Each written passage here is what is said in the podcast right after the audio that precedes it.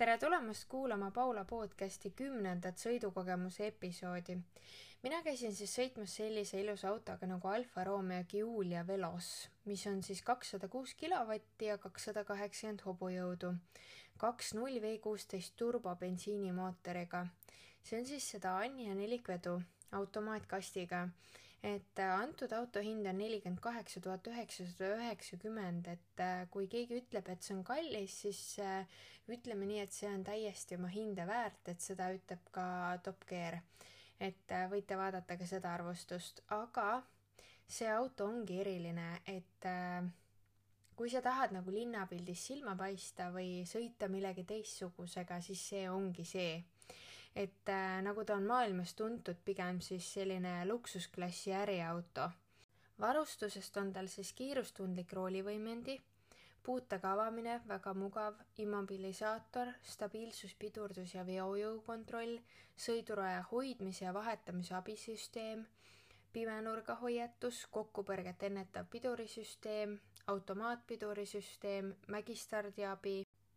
ja mugavusvarustusest on tal automaatkliima, mäludega kokkuklapitavad soojendusega peeglid, automaatselt tumenevad peeglid nii seest kui väljast, võtmete avamine ja käivitus start-stop süsteemiga, et äh, Alfa Romeo pult on selline kohati seksikas ta on selline väga maskuliinne, jõuline väga hästi disainitud, et väga ilus võti. ja see võtmete avamissüsteem, et see töötab imehästi. Aga siis tal on veel püsikiirushoidja distantsi jälgiv eessõitjaga, parkimisandurid on ees ja taga, parkimiskaamera, äh, toonitud klaasid, mis annavad talle niisuguse imelise kurja välimuse veel lisaks, uste sisevalgustus, coming home, leaving home funktsioon, sisust on tal nahkpolster. Väga,, väga-väga ilus sisu on Alfa Romeo'l, aga jätame selle praegu, kaks äh, korda elektrilised istmed, äh, juhiistemäludega mõlemad esiistmed saad reguleerida mm, kõrgust ja mõlemal ka on reguleeritav seljatoe kumerus. et ka kõrvalistujal peab olema mugav, et sellele on ka mõelnud Alfa Romeo. tagaistme seljatugi on siis allaklapitav, äh, soojenduse ja nahkkattega rool, äh, multifunktsionaalne rool, reguleeritav roolisammas, kaugus ja sügavus,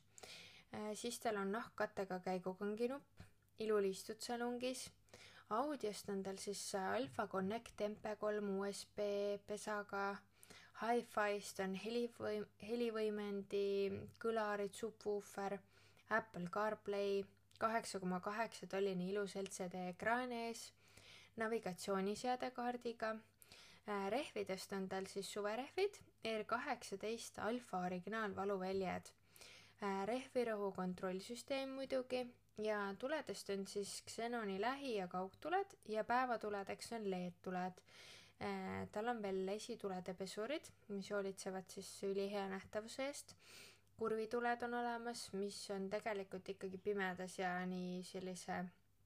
madala esiosaga autoga väga kasulik. kaugtulede ümberlülitusassistent, äh, valgustuspakett ja tal on veel äh, topeltklaasid et äh, Giuli on äh, ikkagi väga luksuslik auto, et äh, seest on nad Stelvio Velociga hästi sarnased, mis sarnased, põhimõtteliselt samad, kuigi Giulial on siis minu jaoks sellist kolmanda seeria disaini ka sees, lisaks sõidumugavusele, et kolmanda seeria BMW on minu arust natuke jäigem ja Giulia sarnaneb hästi sellele, et kes on kolmanda seeriaga sõitnud, siis teab, millest ma räägin, ma ise olen kunagi sõitnud päris pikka aega, et äh, sõidustiil ja ütleme, seest natuke disaini sarnaneb sellega. et täpselt sõidukogemus on selline. aga ta ongi selles mõttes madalam Äh, tal on väga, ta on väga ilus, ta on eest viidud hästi madalaks, tagant on jälle hästi kõrge, et tagaosa üldse ei sarnane kolmanda seeria BMW-ga, minu jaoks muidugi. et ähm,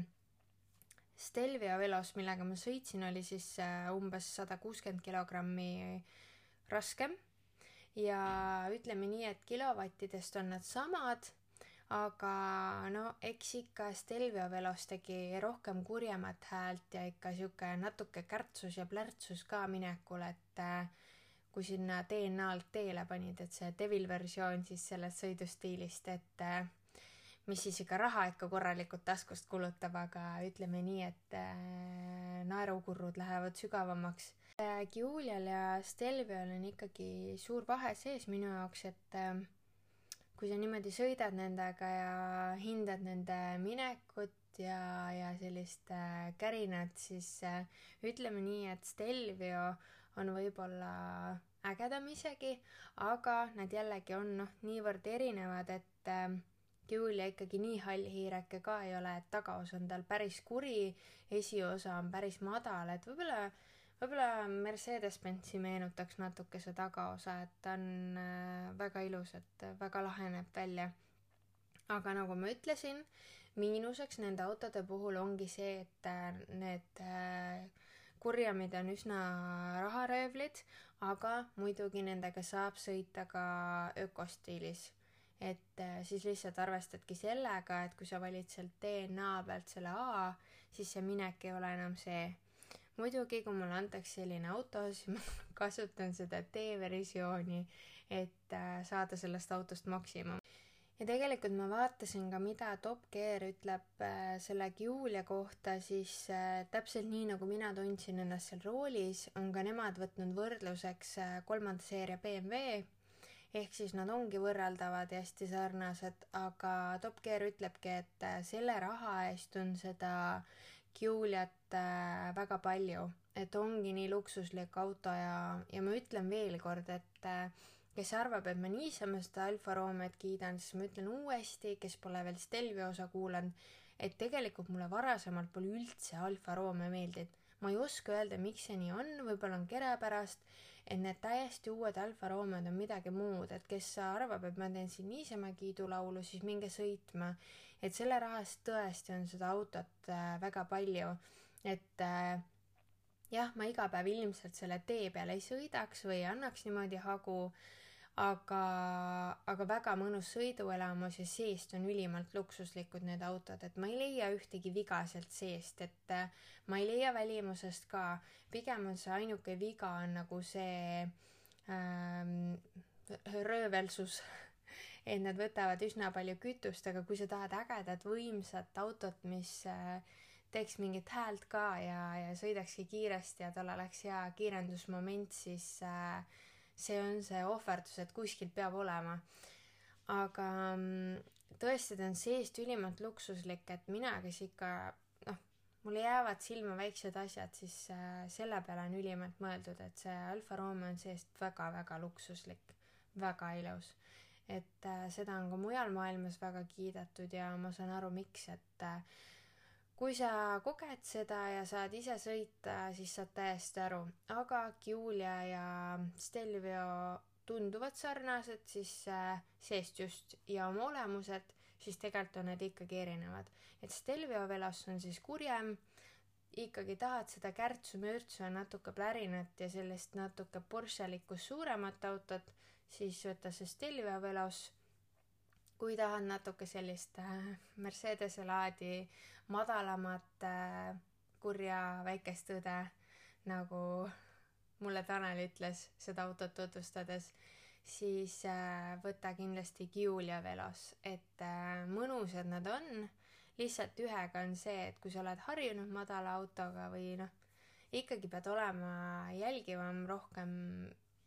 ümbritseva suhtes, et äh, võib-olla jah, lihtsam on sõita maasturiga. mis mul siin veel lisada on, väga super hea auto. Äh, minge sõitma, minge proovige. minu arust oma hinda igati väärt. eks seda autot ilmselt ei osta ka inimesed, kes loevad tanklas senti ja minge julgelt Karin äh, KS Tartusse, Tanel teab väga hästi nendest autodest ja oskab teile seletada ja teeb nalja ka veel pealekauba. ma loodan, et teil oli meeldiv kuulata ja järgmise autoni, tšau!